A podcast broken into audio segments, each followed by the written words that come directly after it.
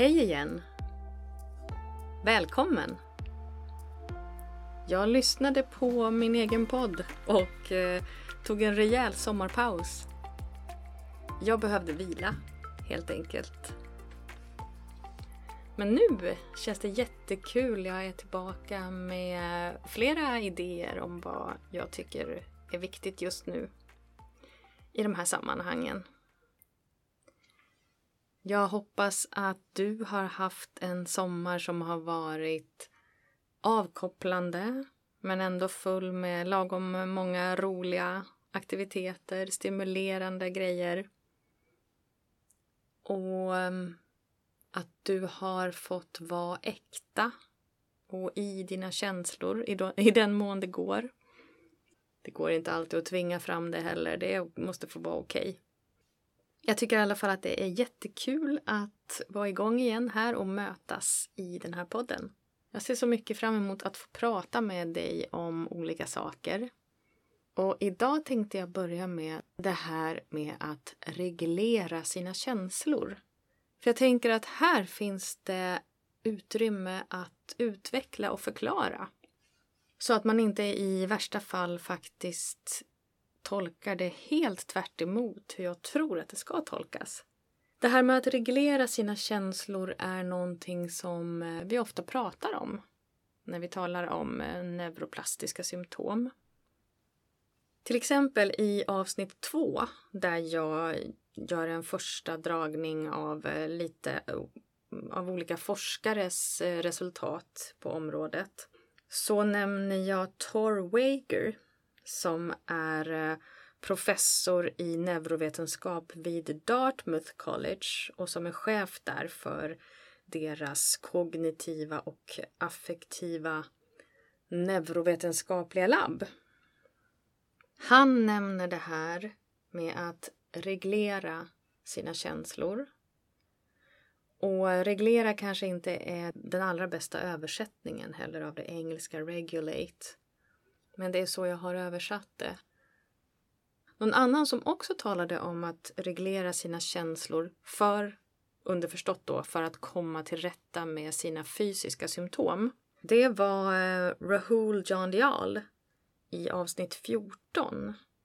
Det avsnittet heter faktiskt till och med Hjärnforskaren om känsloreglering och hälsa. Och han förklarar det här med känsloreglering på ett grundläggande sätt tycker jag. Han eh, berättar om hur man först i övre tonåren kan reglera sina känslor. Och han nämner det här med att till exempel inte springa rakt ut i vägen för att man blir eh, exalterad över någonting utan att man tänker ett steg längre och kan eh, hindra impulsen. I de här sammanhangen eh, kan man ju också nämna sånt som att man inte smäller till någon som man blir irriterad på utan man klarar av att kontrollera, man klarar av att reglera det här. Det handlar om att, mycket förenklat talat, låta den eh, nyare, in, mera intellektuella delen av hjärnan stå i tät kontakt med den äldre, mer primitiva delen av hjärnan. Men det är här som jag tycker att det är intressant att utveckla resonemanget. Därför att det handlar om att på ett sätt göra tvärtom.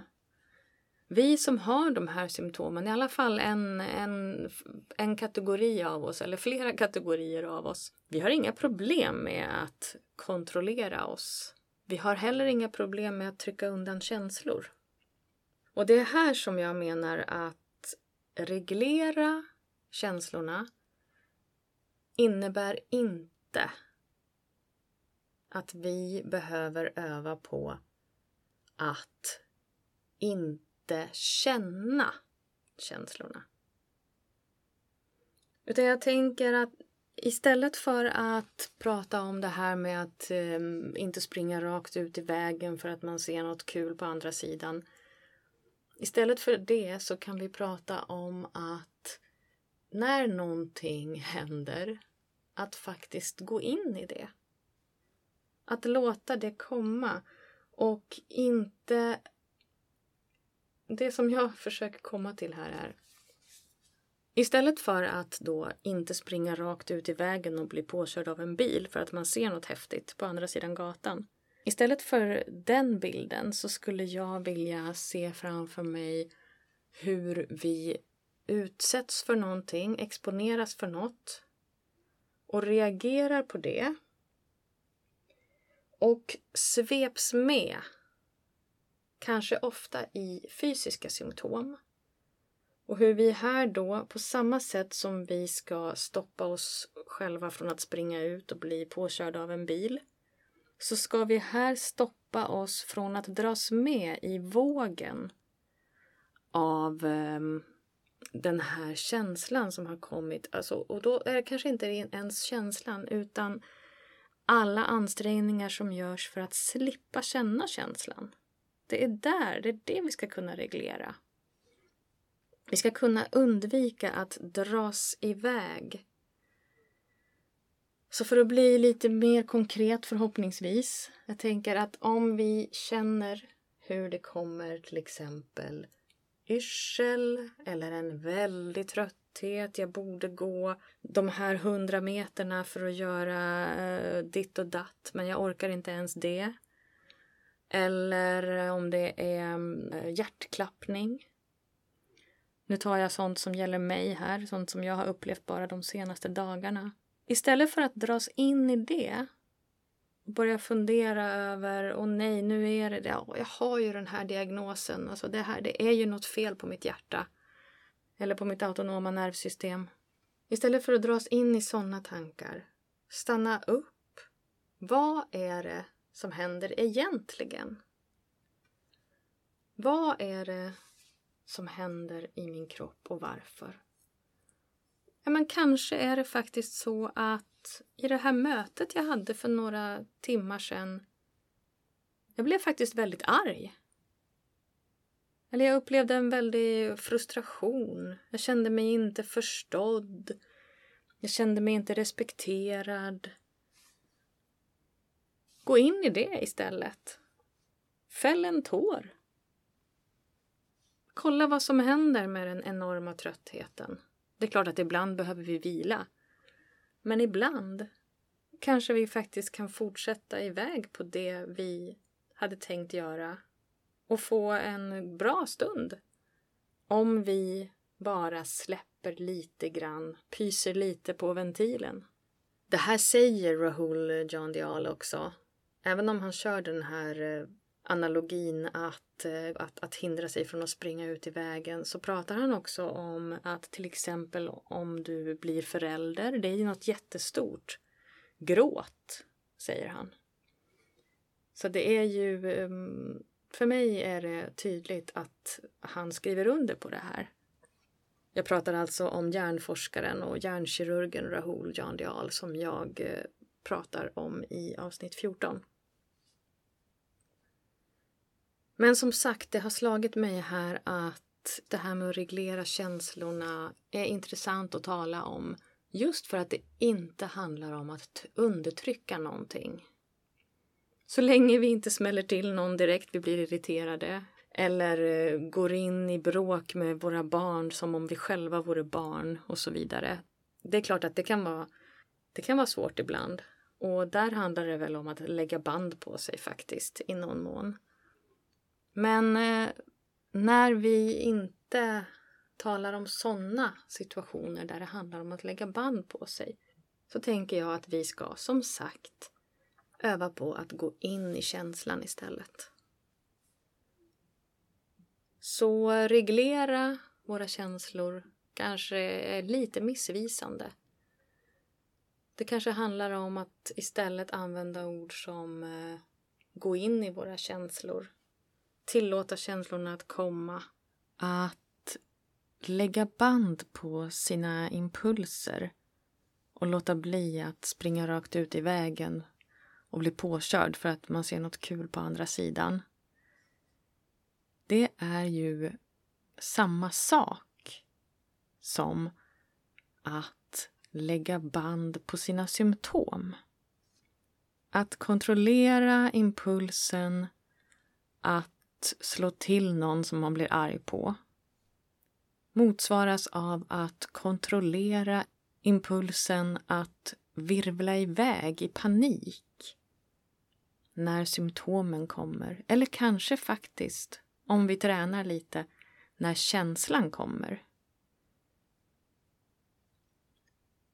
När jag säger virvla iväg i symptomen så menar jag just att få panik över att migränen kommer eller yrseln eller ja, allt som vi pratar om i den här podden. Att istället då, som jag sa tidigare, fundera över är det någonting som har hänt i närtid eller mer som en längre trend som skulle kunna innebära att jag har starka känslor inom mig som jag blockerar. Och jag tänker så här att ju bättre vi blir på det här desto färre kanske tillfällena behöver bli när vi befinner oss i en situation med symptom. Och att vi istället redan när saker, då starka saker som får oss att känna inträffar kan lägga band på impulsen att blockera känslan. Så innan de fysiska symptomen kommer har vi redan erkänt att vi har en känsla och eh, låtit den komma ut på ett sätt som fungerar i ett civiliserat samhälle.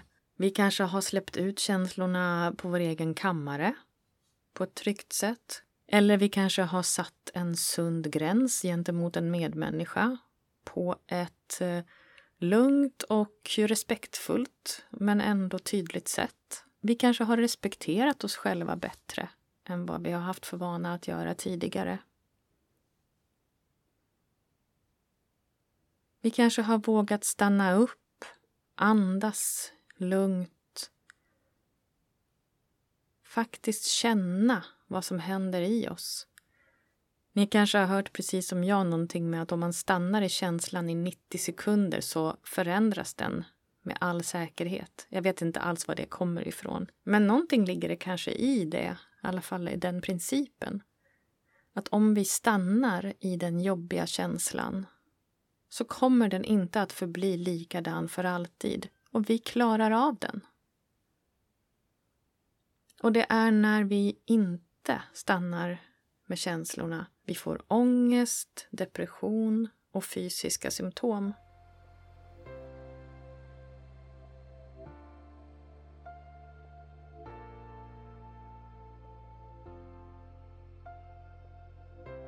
Dr. Dario Zager är läkare, neurolog.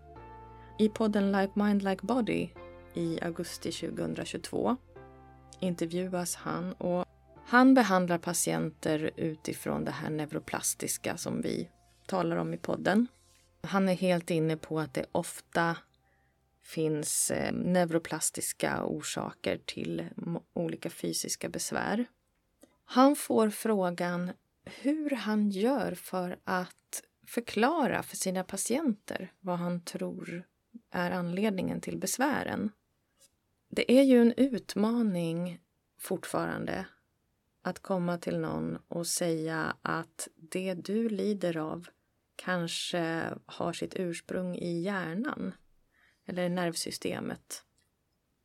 Dario Zager han berättar att ibland så använder han sig av metaforen att man har en volymknapp i hjärnan som är uppdragen så att eh, allt som gör ont gör mycket mer ont och, och så vidare. Ibland så tycker han att det funkar bättre att prata om ett överaktivt nervsystem. Något som inte funkar så väl som han gjorde tidigare det är att gå in på varför. Alltså han, han, han ser det som att han förklarar mer vad som sker. Istället för att gå in och förklara varför och säga att det här beror på stress av något slag. Om han gör det så upplever han att patienterna sluter sig ganska mm, ofta och att det är helt kört att nå fram. Någonting annat som han väljer att göra ibland det är att nämna symptom. Det är nämligen så, menar han, att de patienter som kommer till honom de har ofta flera symptom Eller oftast, nästan alltid. Så att om någon kommer och söker för till exempel fibromyalgi eller migrän då kanske han nämner att eh, ibland sitter såna här symptom ihop med ja, om man söker för migrän då så kanske han säger eh, nack och ryggont kan man ha. Man kan ha ont ja, men i benen, i, i resten av kroppen. Man kan ha matsmältningsbesvär, ångest eller depression, sömnsvårigheter och hjärtklappning. Och när han listar symptomen på det här viset så brukar han se någonting tändas i ögonen på patienten. Och ibland så får han till och med frågan tillbaka av patienten, kan det här bero på stress? Och då känner han att kanalerna har öppnats och de kan eh, jobba tillsammans och, och göra framsteg. Dario Zager upplever att de fall han behöver vara mest eh, försiktig med hur han presenterar de här eh, neuroplastiska lösningarna det är de fall där patienten i många år har blivit behandlad rent ehm, strukturellt, alltså fått behandlingar som eh, utgår från att det är något fel fysiologiskt på kroppen. Det kan till exempel vara i de fall där eh, smärtan har börjat efter en skada och jag märker återigen hur bra det är för mig att höra sådana här saker. För jag kan ju fortfarande bli orolig över min hjärtklappning eller eh, ja, något av de här symptomen som han nämner eller andra symptom. Och det gör mig gott att höra påminnas om hur det här är olika symptom som har sitt ursprung i samma grundproblematik. Det gäller ju även eh, allergi och hudbesvär till exempel, för att nämna ett par andra symptom. Jag vill gärna nämna ett par andra grejer som Dario Zager säger. Och det är att han menar att den största missuppfattningen vad gäller neuroplastiska symptom är att det skulle handla om riktig smärta eller riktiga symptom då, skulle jag vilja lägga till, kontra icke riktig smärta eller riktiga symptom. Allt är riktiga symptom. Det är riktig ryggverk man söker för, även om det beror på att eh, volymknappen är uppdragen i hjärnan eller nervsystemet är överaktivt eller hur man vill välja att uttrycka det. Det är äkta smärta i kroppen man söker för om man har fibromyalgi. Det är äkta matsmältningsbesvär och så vidare. Och han talar också om hur ehm, jobbigt han tänker att det måste vara för både läkare och patienter just det här när man hela tiden behöver säga eller höra att det här går inte att förklara och det går inte att bota. Han tror att det är anledningen till att många läkare är utbrända. Jag tror att om vi i fler fall undersökte lite mer om det kan vara neuroplastiska orsaker så skulle färre behöva lida lika mycket. Och det här hänger väl ihop med temat att reglera sina känslor på så sätt som det här med neuroplastiska symptom alltid hänger ihop med att reglera sina känslor. Det är inte alla som pratar om känslor. Ibland pratar man ju om det som på engelska kallas för pain reprocessing therapy. Att man omprocessar sin uppfattning om smärta. Till exempel då varför man har ont och vad man behöver göra. Ibland pratar eh, hjärnforskare, läkare och andra behandlare mer om känslor. Att släppa fram känslorna, då till exempel, som jag har pratat mycket om. Min uppfattning är att allt det här hänger ihop. Vi fortsätter att vandra runt i den här världen tillsammans. Vi hörs snart igen. Ha det fint. Hej då.